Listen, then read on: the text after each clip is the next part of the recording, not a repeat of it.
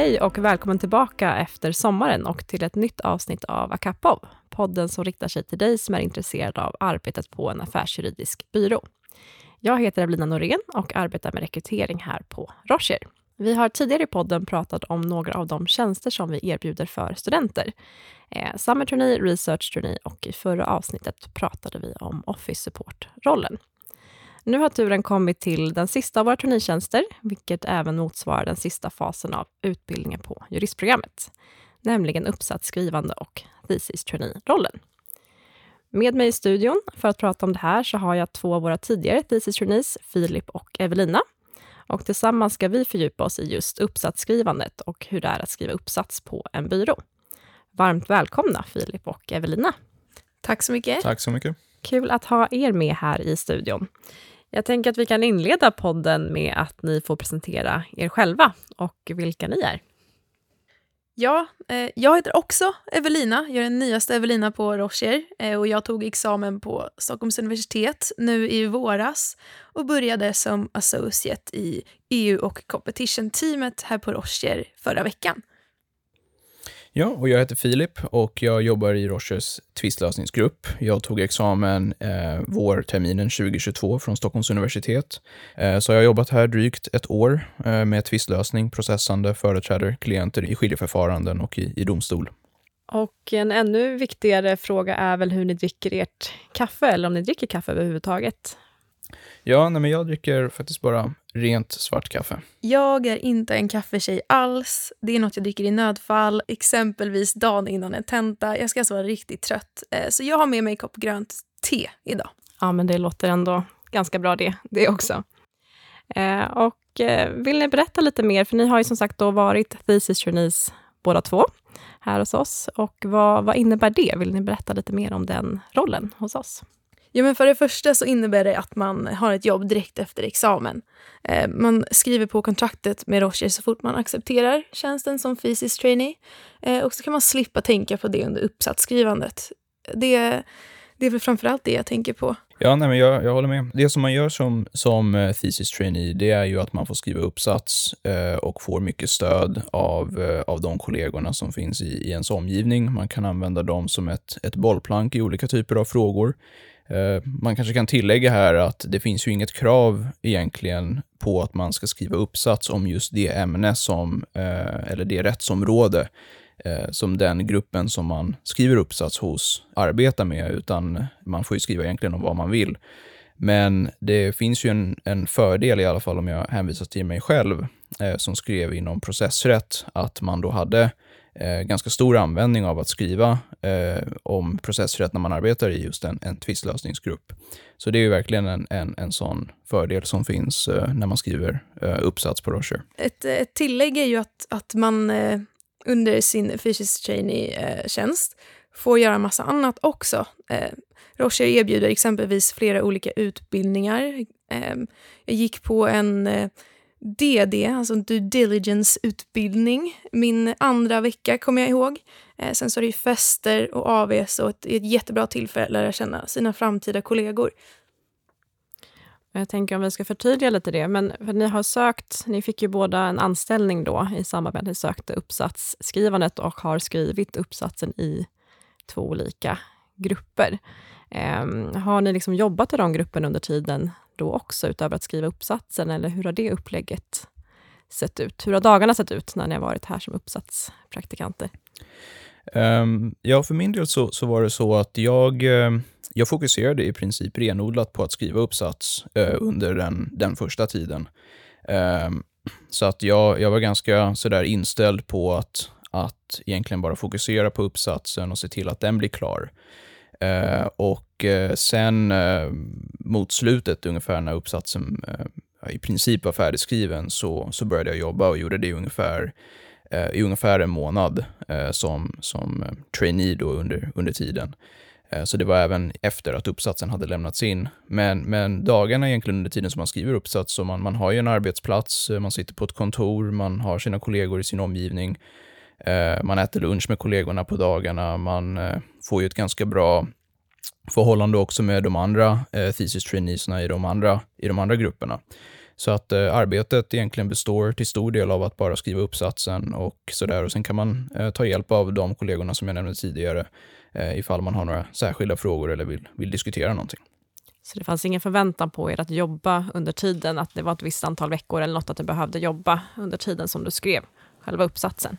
Nej, inga, ingen alls eh, faktiskt. Eh, och det kanske man, man kan, alltså för de som tänker att, att de vill börja som uppsatspraktikanter kanske känner att det ändå finns, även om det är så att säga uttalat så är det ju inte så att man behöver jobba, men det kanske är vissa som ändå känner sig eh, som att de nästan skulle behöva göra det, men, men så är det ju inte, utan det är faktiskt helt frivilligt. Ja, precis samma sak för mig. Att jag blev klar tidigt, eh, frågade ifall det fanns någonting jag kunde jobba på eh, och hoppade in i projekt. Eh, och, och, det har varit jätteskönt för nu, nu i efterhand när jag börjar eh, några månader senare som associate, då, då har jag kunnat hoppa in i de projekten och haft lite försprång. Och nu när ni har varit uppsatspraktikanter och skrivit uppsatsen här, har ni fått någon ersättning för det eller hur, hur fungerar det med den biten? Ja, eh, det funkar så att när man har lämnat in sin uppsats och fått den godkänd av, eh, det är ju så att både ens mentor som då är en delägare i gruppen eh, och sen då också det lärosätet där man skriver uppsatsen, de ska godkänna uppsatsen. Och när det väl är gjort så får man ett, ett, ett belopp utbetalt för det. Eh, sen så såklart också under den tiden som jag jobbade som trainee, eh, alltså utförde eh, faktiskt arbete eh, mot slutet av, av uppsatspraktiken, så fick jag ju såklart också ersättning för det. Ja, men vad skönt. Var det samma sak för dig? ja, det var precis samma sak för mig. Betalningen kom eh, precis lagom till sommaren. Så ja, det var perfekt. Um, och uh, när ni har varit här uh, så har ni också haft en tutor, vilket alla anställda får. Vad, vad blir den personens roll uh, i förhållande till er som thesis trainees? Min tutor fungerade som, som ett bollplank. Inte bara för uppsatsskrivandet, men också bara i förhållande till vardagen på en byrå. Jag kunde fråga henne om, om vad som helst egentligen, om bästa sättet att eh, kontakta olika personer på. Föredrar de mejl, föredrar de WhatsApp eller vad det nu kan vara. Ja, men vilka, vilka aktiviteter som är värda att gå på och eh, vilka utbildningar som har varit eh, viktigast och, och, så vidare. Ja, nej, men jag håller med. Det, det är ju en, en, en tutor finns ju eh, där som ett stöd för en under, under hela ens, ens uppsatspraktik. Så det är ju precis eh, som Evelina sa, att man, man kan använda eh, Tutom både som ett bollplank när man skriver uppsatser, men sen också bara olika typer av praktiska frågor som kan uppkomma. Allt hur man registrerar sin tid till ja, hur man ska göra en rumsbokning till exempel. Och hur såg samarbetet ut med övriga gruppen? Var ni i kontakt någonting med dem också, eller sitter man mycket för sig själv? Eller hur är, hur är dagarna och samarbetet med andra kollegor? Ja, min erfarenhet är att man, man blir väldigt snabbt integrerad i gruppen. Ehm, så att man har ju en, en arbetsplats, men jag delade ju till exempel eh, rum med en annan biträdande jurist. Så att man blir ju kanske lite särskilt nära just den personen. Ehm, men sen så är min erfarenhet också att alla var väldigt öppna och de är väldigt glada att man är där som uppsatspraktikant. Man äter lunch med dem varje dag och, och köper lunch också och, och, och sånt om man vill. Um, och uh, Så att det var liksom en väldigt öppen uh, och väldigt trevlig stämning uh, och väldigt, väldigt välkomnande. Ja, men eh, jag håller helt med Filip. När man är fysisk trainee så får man, blir man ju en del av, av vardagen på Rocher. Så man får vara med på de här veckomötena i det, den gruppen man jobbar i. Eh, och som sagt, olika utbildningar, olika aktiviteter. Eh, till och med innan jag började min tjänst så, så blev jag inbjuden på julbord med gruppen. Jag fick komma och hälsa på. Så det är verkligen väldigt välkomnande. Det blir väldigt familjärt väldigt snabbt. Och hur kom det sig att ni sökte er till eh, en byrå för uppsatsskrivandet? Var det en självklarhet från, från början eller hur gick tankarna i det skedet? Ja, för mig var det ju mycket liksom att, att eh, Roches uppsatspraktik är ju väldigt speciell på det sättet att man just får jobb sen som biträdande jurist i den gruppen som man skriver uppsats i. Ehm, så att anledningen till att jag sökte mig till just Roches uppsatspraktik var ju delvis för att jag ville arbeta med tvistlösning och jag visste att om jag skriver uppsats i tvistlösningsgruppen så får jag sen arbeta där. Eh, och det kan ju tilläggas att jag var ju också, hade en tidigare trainee-position eh, på Rocher eh, och eh, hade då redan vid det laget fått ett väldigt positivt intryck av byrån som gjorde att jag sökte mig tillbaka dit. Men det var ju just den här kombinationen av att kunna skriva uppsats i en tvistlösningsgrupp och sen också få möjlighet att jobba där sen som biträdande jurist när man väl har tagit examen eh, var ju en, definitivt en, en avgörande faktor för mig. För, för min del var det, var det lite annorlunda. Det var nästan lite av en slump.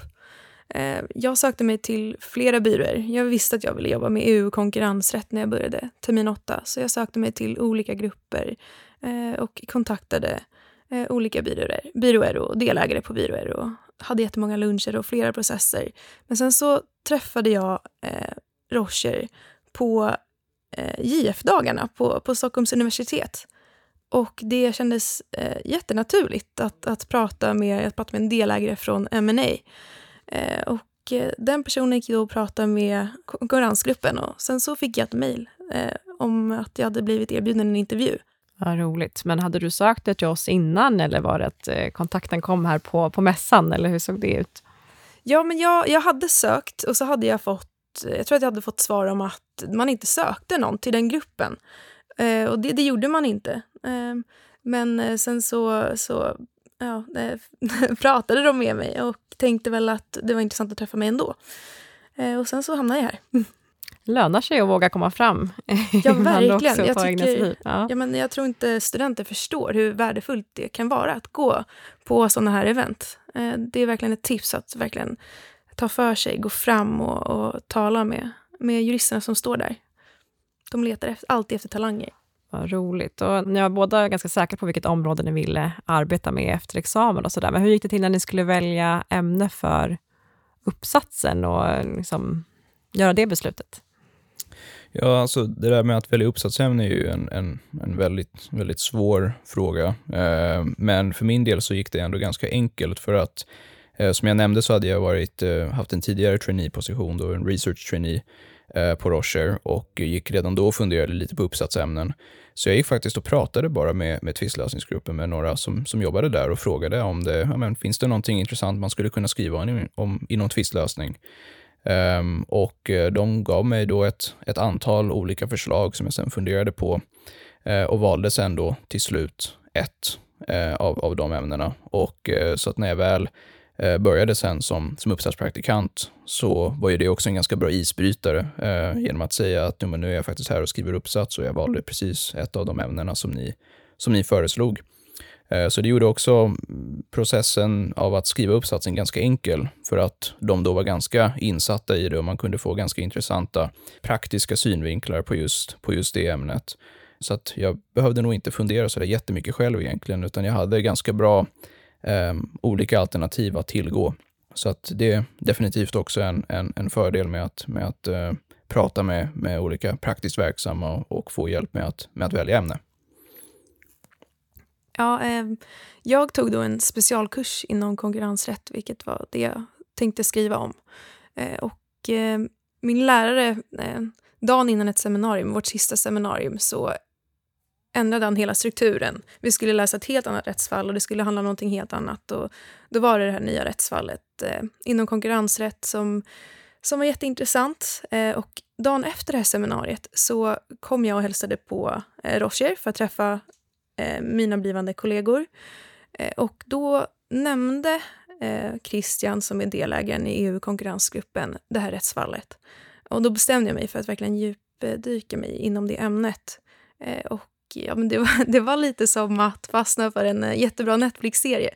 Jag, jag var hooked. ja. Härligt att kunna känna så om ett uppsatsämne ändå. ja, men jag hör hur nördigt det låter, men det var verkligen så. Hur gick själva uppsatsskrivandet då? Flöt det på smidigt eller eh, hur var själva processen för er? Ja, men det, var, det var som en berg det, var, det gick upp och ner. Alltså att skriva en uppsats, det är, ju, det är ju lite som att lägga ett pussel. Man ska försöka samla information för att besvara en oftast väldigt komplicerad fråga. Sen ska man strukturera det på ett sätt som eh, på något sätt leder till en konkret slutsats. Eh, och eh, det, man, man stöter på hinder på vägen, så är det bara. Så det är det verkligen uppför och nerför och det är då det är jättevärdefullt att exempelvis ha en tutor. För jag kunde verkligen bolla med min tutor eh, när, jag, när jag stötte på sådana här problem. Eh, men hur skulle hon organisera det här? och så vidare. Eh, men, men framförallt så tror jag att jag fick mycket hjälp i början när man verkligen ska komma igång med skrivandet. Eh, då hade jag ett möte med, med två delägare. Eh, så gick vi igenom ja, syftet med min uppsats eh, och eh, så gav de input. Och det, det gav mig liksom en startpunkt, någonstans att börja ifrån. Och därifrån så, så var det enklare att komma igång med själva arbetet. Ja, men för egen del så det flöt på ganska bra egentligen. Eh, som jag nämnde så eh, fick jag ju ett av ämnena eh, ja, i princip föreslaget för mig av, av eh, kollegorna. Ehm, och jag tror att en stor fördel med det var just, som, som jag också sa, att de här praktiska synvinklarna som man kunde få som inte nödvändigtvis finner i, i, i litteraturen. Det är sådana man kan få en, en väldigt, väldigt praktisk eh, synvinkel som kan vara väldigt givande i, i uppsatsen och, och, och sådär. Eh, så det var, eh, det flöt på väldigt bra för min del i alla fall. Men vad skulle du säga att har varit mest givande eller roligt med uppsatstiden hos oss? Ja, alltså en, en väldigt bra fördel med att skriva uppsats här är just att man kommer in väldigt bra i den gruppen som man sen ska börja jobba med. Så på, på sätt och vis så får man liksom en, en slags eh, förstart när man ska börja arbeta man känner kollegorna väldigt, eh, väldigt bra vid det laget. Eh, och så där, så att man, man har kommit förbi det här, det här första stadiet i, i eh, den sociala interaktionen. sen så får man ju också, i och med att man är flera som börjar som uppsatspraktikant, så får man ju också vänner i, i, andra, i andra grupper och sådär. Jämfört med om man kommer direkt in i en viss grupp så kanske man inte riktigt har samma, samma band till andra grupper. Ehm, så att det, det, skulle jag väl säga är en av de mest givande sakerna med att skriva uppsats på Rocher. Det är att man får just den sociala biten, skulle jag säga var en av, en av de mest givande sakerna. Ja, jag kan bara hålla med. Man får ju verkligen ett riktigt försprång eh, på den sociala biten, men, eh, men man får ju även en inblick då i, i vardagen. Eh, Eh, på själva byrån, med Rocher som organisation. Och jag tror att det hjälper väldigt mycket för man vet vad man kommer till när man börjar. Man vet eh, hur man ska använda mejlen exempelvis, hur man ska registrera tid och eh, det är inte lika många nya intryck för, första dagen. Det blir liksom inte samma korvstoppning som det kanske kan bli normalt sett när man börjar ett nytt jobb. Så ett, ett riktigt försprång får man. När man sen börjar som jurist då, att det blir lite lättare att komma in ja, i... men precis. Och hur har den övergången varit i övrigt? För jag tänker det är ändå mycket nytt med vad man faktiskt ska göra arbetsmässigt, eller så. Eh, hur har ni upplevt den övergången, att från att gå från trainee till jurist? Nej, men när man väl börjar jobba som jurist sen, så, så det blir ju i princip som att, att börja ett nytt jobb. Men fördelen är ju att man kommer in väldigt, väldigt snabbt i det eh, när man börjar jobba. Eh, och eh, man har ju redan knutit sociala band med kollegorna som gör att man, man har ganska enkelt för att fråga om hjälp, till exempel om det är någonting man inte förstår och, eh, och sådär. Så att det, det, arbetsklimatet eh, ser väldigt bra ut och det tror jag är, är någonting som, som när man har skrivit uppsats tidigare som, som man har fördel av. Eh, men sen så handlar det ju mycket om att, att sen ta sig an nya arbetsuppgifter och sånt som man inte tidigare haft erfarenhet av. Men det är sånt som man kommer, man, man blir varm i kläderna ganska snabbt eh, när, man väl, när man väl börjar jobba. Ja, jag som är så ny, jag är fortfarande kall i kläderna om man säger så.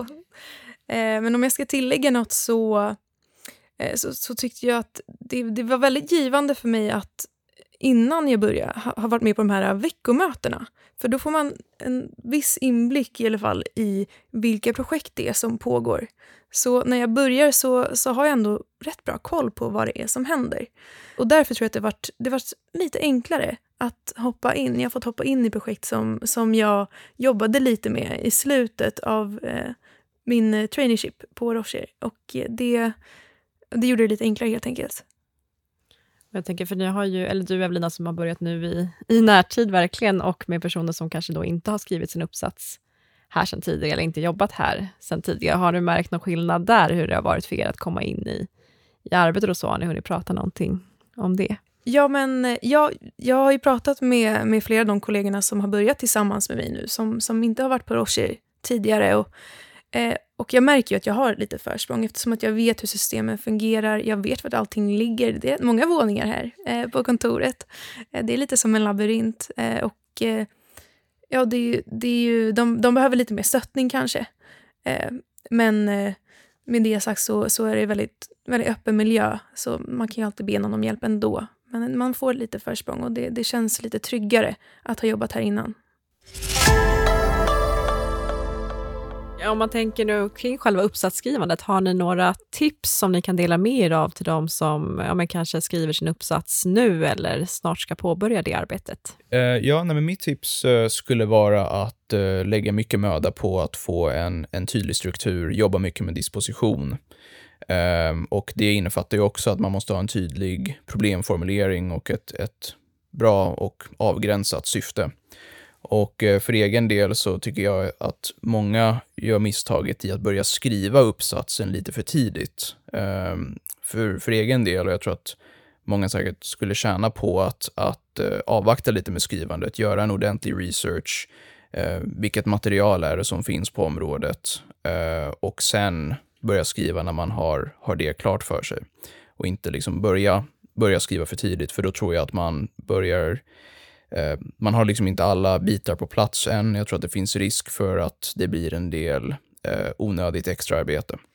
Jag håller helt med Filip och för att bygga vidare på det så, så kan jag säga att den första delen av uppsatsskrivandet det handlar om att skriva introkapitlet och metodavsnittet där man skriver om problemformuleringen och, och hur man ska ta sig an den frågan, det problemet som, som man har valt att svara på.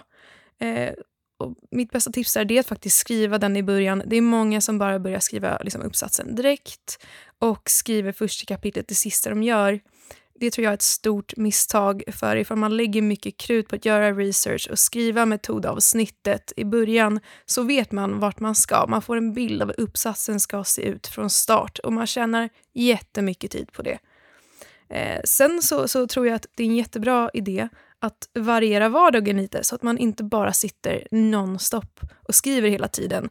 Eh, sitter man på, på ett eh, universitet, så sitt inte bara i biblioteket och skriv varje dag, utan försök att variera med, med andra aktiviteter också. Jag tror att det kan ta lite på psyket och bara sitta med uppsatsen hela tiden. Det var jätteskönt på Roche att kunna ta lunch med kollegorna, gå på AVs, gå på fest, eh, kanske byta eh, miljö lite, åka till SU en dag, stanna hemma någon dag. Så jag tror att det är någonting viktigt att tänka på också. Eh, och använd de resurser som man har tillgång till. SU eh, har jättemycket resurser, det har säkert de andra universiteten också, många databaser. Eh, använd lärarna. Eh, jag vet att jag kunde träffa mina lärare två gånger eh, har du turen att få skriva uppsats på Rocher så använd då dina kollegor eh, som bollplank för de har ju praktisk erfarenhet som är nästan till ovärderlig när man skriver uppsats. Men framför allt, glöm inte att ha riktigt kul under den sista tiden som student, för den får man aldrig tillbaka. Den friheten eh, finns ju inte kvar sen när man börjar jobba.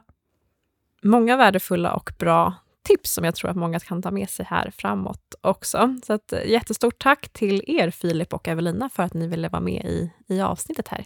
Tack för att vi fick vara med. Tack själv. Tack själv. Och vi hoppas att ni som har lyssnat har blivit inspirerade inför ert uppsatsskrivande och tagit med er av de här tipsen. Examensarbetet kan ju ha sina utmaningar, eh, men det är också en otrolig möjlighet att fördjupa sig i ett ämne som man är intresserad av och en chans att få lära sig någonting nytt. Och vad jag tycker är extra roligt med våra thesis trainees är ju att man sen fortsätter som jurist här på byrån och att vi fortsätter att vara kollegor. Om du som lyssnar är intresserad av att skriva din uppsats här hos oss så är det bara att höra av dig till mig. Du kan såklart också eh, höra av dig om du har förslag på ämnen och gäster som du vill höra mer av här i podden. Maila då till akapav.podcast Glöm inte heller att följa oss på sociala medier.